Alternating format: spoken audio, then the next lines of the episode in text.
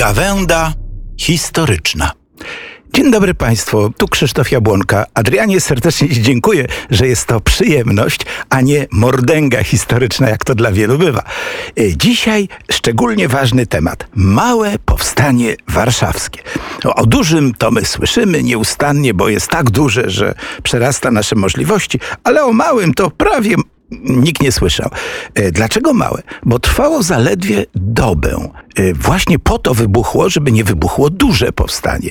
A, a zatem trzeba powiedzieć, że się udało, e, gdyż nie rozlało się i nie, ponios, nie ponieśliśmy wtedy, nie, no, powiedzmy, jakieś ofiary były. Około 146 trumien wtedy zamówiono. No, załóżmy, że kilku umarło z przyczyn naturalnych, to cała reszta zginęła, ale osiągnęliśmy rzecz niebywałą, niepodległą ojczyznę. Jak to przebiegało i kiedy to było, za chwilę się zatem dowiemy. Było to z kolei szóste powstanie warszawskie. Dlaczego? Dlatego, że mm, tak przywykliśmy do sloganu powstanie warszawskie, że jest to 1 sierpnia i nic więcej, że nie zauważamy, że w Warszawie prawie zawsze wybuchały powstania, gdy tylko były prawie zawsze, mówię, a to znaczy, że nie zawsze, gdy były wszystkie inne. A więc pierwsze powstanie warszawskie mm, to jest powstanie kościuszkowskie 17 kwietnia. To był Wielki Czwartek. Wtedy uderzono w dzwony i ekipa e, Jana Kilińskiego zdobyła e, ambasadę po dwóch dniach walki e, rosyjską na Miodowej. No tu się przyznam, że w młodości, gdy się o tym dowiedziałem na wykładzie profesora Kiniewicza, to wybraliśmy się tą grupą pod ambasadę radziecką, czyli sowiecką, oglądać, jakby tu ją zdobyć, z której strony. No mieliśmy po prostu powstańcze zapędy. Potem się okazało, że już zatrudniony w MSZ głównymi schodami zdobyłem tę ambasadę z dużą nie, nie kłamie satysfakcją, gdy się już stała rosyjska. E, dalej, no jedźmy dalej. Warszawa dostaje się w ręce Rosjan, Rosjanie oddają ją Prusakom, e, Prusacy oddają ją Francuzom, Francuzi Polakom, a Polakom zabiera Warszawę, Austria po bitwie raszyńskiej. Tu przypomnę, bitwę wygraliśmy, ale Warszawę musieliśmy oddać, bo Austriaków było troszeczkę za dużo. I 3 czerwca 1809 roku warszawiacy odzyskali swoją stolicę właściwie wskutek tumultu, który przyleciał od Bielan aż po Wilanów, rozbijając, rozbrajając e, Austriaków przerażonych tym, co się dzieje. E, doszło do e, maleńkiej, ale bitwy w Wilanowie, w której zginął kapitan Turski. To jest jedyny ślad w ogóle, bo to był poważny. On poprowadził po prostu atak na Austriaków. No i stąd mamy Olszynkę Wilanowską 1809 roku, czyli odzyskanie Warszawy. Następne powstanie, no to już jest bardzo dobrze znane, to jest Warszawianka i noc listopadowa Wyspiańskiego, czyli 29 listopada 1830 roku. No na Boga, to też było powstanie warszawskie, bo cała Warszawa stanęła. W zasadzie się powinno nie udać, ale ponieważ zdobyto arsenał, rozdano broń i wszyscy zaczęli walczyć, no to jak to inaczej nazwać, jak nie powstaniem warszawskim? Ponieważ jest to elementem powstania listopadowego, oczywiście zniknęło nam z pola widzenia. I już byśmy na tym zakończyli, gdyby nie to, że się okazało, a w papierach carskich zostało to odnalezione, że dnia 22 lutego 1846 roku spiskowcy, tak zwani świętokrzyscy e, Henryka Krajewskiego, wyszli z, w głębin kościoła e, Świętego Krzyża, a mm, spędziłem tam długie lata w duszpasterstwie i znaleźliśmy takie wyjście po lewej stronie kościoła, też jest takie. Ono jest nieużywane dzisiaj, bo, bo nie ma po co, tam jakoś tam samochody mogą zajeżdżać, ale tam były dawniej właśnie wejście bezpośrednio do krypty, nie tylko spod statuły Chrystusa, której jeszcze wtedy, a nie, już była, bo to był Tordwalsen, a zatem tamtędy wyszła grupa około 150, e, może 200 insurgentów e, przeszli przez taki niewielki lasek olchowy. E, no oczywiście nie było Ministerstwa Skarbu, więc tamtędy jakoś wyszli na plac Saski i stoczyli bitwę. Bitwa mm, skończyła się dla nich i dla caratu w miarę szczęśliwie. Zginęło chyba kilku rosyjskich strażników, właściwie wartowników. Strzelanina trwała około pół godziny. No może trochę dłużej, bo to zima, po czym z jednym rannym wszyscy insurgenci z powrotem się wycofali tym szlakiem i go tam w, w głębinach kościoła Świętego Krzyża opatrzono owego rannego. I tak się skończyło. Został się tylko raport, że tak w ogóle było, bo długi czas uważano, że powstanie trójzaborowe, no gdzie jak gdzie, w Galicji to była rzeź wielka galicyjska, no, powstanie krakowskie, coś było w Wielkopolsce, nawet na Kaszubach, mm, na Podlasiu Pantalejmon e, Potocki poderwał ludzi tam na jakimś raucie w Siedlcach zdobył cały ratusz, no różne, ale w Warszawie, otóż w Warszawie było przygotowane pełne powstanie ze zdobyciem mostów, e, nawet tego kawałka cytadeli, który już zdążono zbudować. Tyle, że odwołano po owej e, potyczce, strzelaninie na Placu Saskim, stwierdzono, że nie ma sensu się porywać z motyką na słońce. I to była mądra decyzja. Zwycięstwo mądrości też się liczy, ale było to. Trwało pół godziny, nie ma jak. Trzeba zaliczyć. W powstaniu styczniowym nie było powstania warszawskiego, chociaż Warszawa była buzującym centrum i tu aż kipiało, tak powiem, żeby coś się stało, ale po, po demonstracjach patriotycznych poprzednich lat, zwanych rewolucją moralną, właściwie Warszawa siedziała cicho, bo obie strony były tym zainteresowane. Tutaj za dużo rzeczy się działo ważnych, żeby robić rewoltę, która zresztą no, nie miała wielkich szans, ponieważ kolej funkcjonowała do Petersburga i przyjechałoby dość dużo y, wojska. No i wreszcie i, I wreszcie dochodzimy do e, roku, jeszcze w 1905 roku, dwa dni broniła się barykada na e, ulicy Grochowskiej, przepraszam, ulicy Grzybowskiej. No i to można nazwać Olszynką Grzybowską. 29, 30, 28, 29 i 30 czerwca 1905 roku. Tam był obok czerwonego sztandaru i biało-czerwony.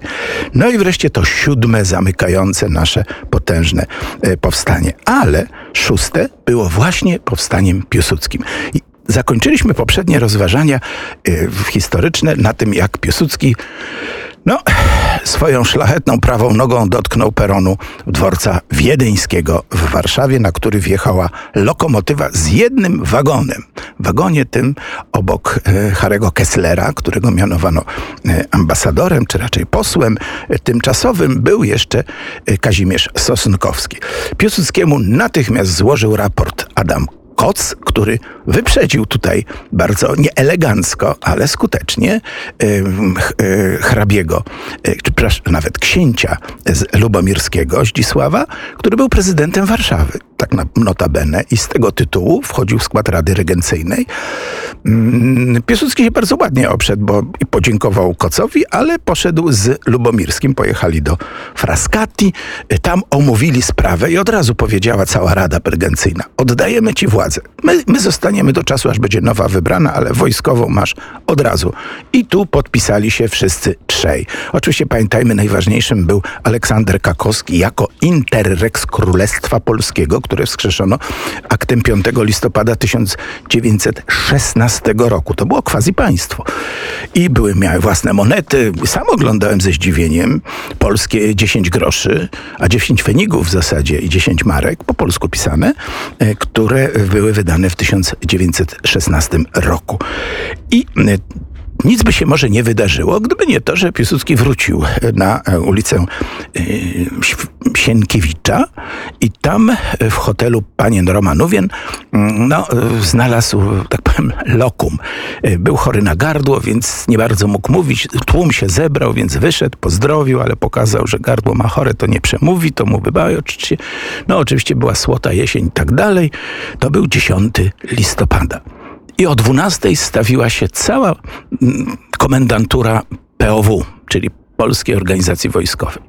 I zapytali krótko, komendancie, zaczynać? I on im odpowiedział równie krótko, zaczynajcie. I to jest moment, w którym wybuchło małe powstanie warszawskie. Rozbiegli się wszyscy po Warszawie i zaczęli atakować mm, sporymi grupami małe grupy niemieckie, rozbrajając je praktycznie bez walki, aczkolwiek i tu jest wyjątek. Bronił się ratusz, gdzie palono wszystkie dokumenty. Tam była tajna policja, takie proto-gestapo, y, które wtedy istniało.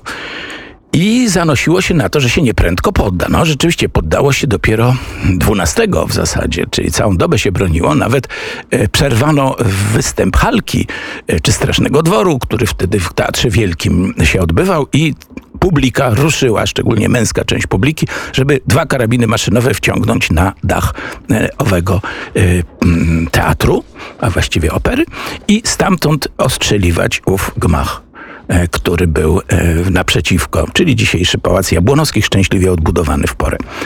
I już by się wydawało, że wszystko jest ok. Znaczy, większość została opanowana przez POW. Najważniejszym momentem była zmiana warty przed e, oberkomendanturą.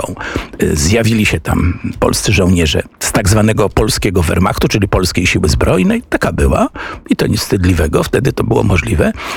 I zmusiła Niemców do oddania broni. Ci spokojnie oddali, siedli se z boku, jest to nawet namalowane jako taki punkt kulminacyjny. Drugi punkt miał miejsce przed Pałacem Namiestnikowskim, dzisiaj prezydenckim, y, przed którym y, stanęły warty 5 sierpnia 1915 roku, kiedy Rosjanie o 7 rano wysadzili mosty i zniknęli z Warszawy, byli jeszcze na Pradze, ale Niemcy jeszcze nie weszli. I przez 7 godzin ten pałac był siedzibą polskich władz z powrotem, a właściwie przestał być namiestnikowski. Y, teraz odnowiło się. Stanęła polska warta, ale w środku znajdował się soldatenrat. I była to groźna sytuacja. Soldatenrat powiedział, nie, broni nie oddamy, będziemy strzelać, jak Polacy nas zaatakują. I wtedy Poznaniacy przejęli, jako żołnierze niemieccy, przejęli inicjatywę, powiedzieli, dogadajmy się z Piłsudskim. Ten walczył w legionach, był nasz, po naszej stronie, to się będzie jakoś...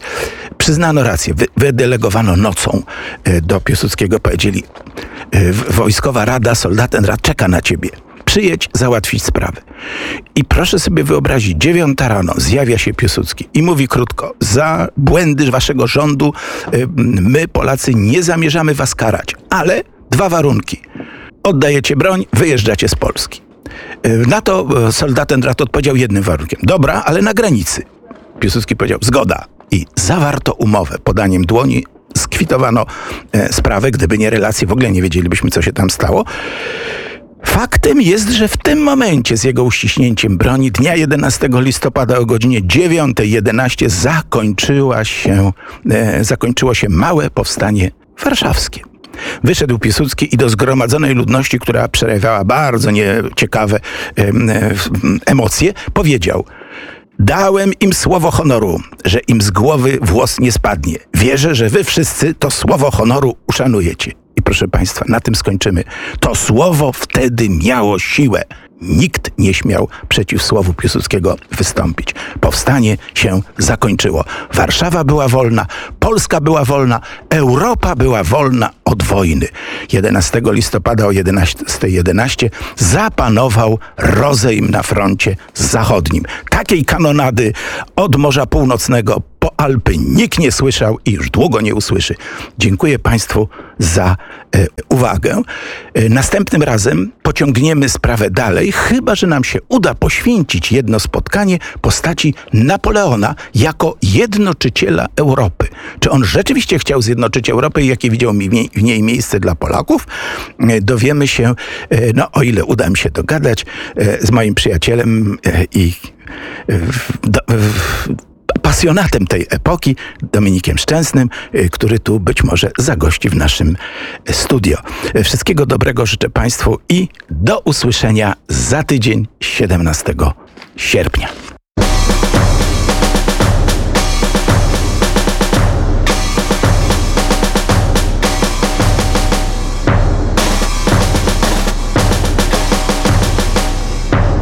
Gawęda historyczna.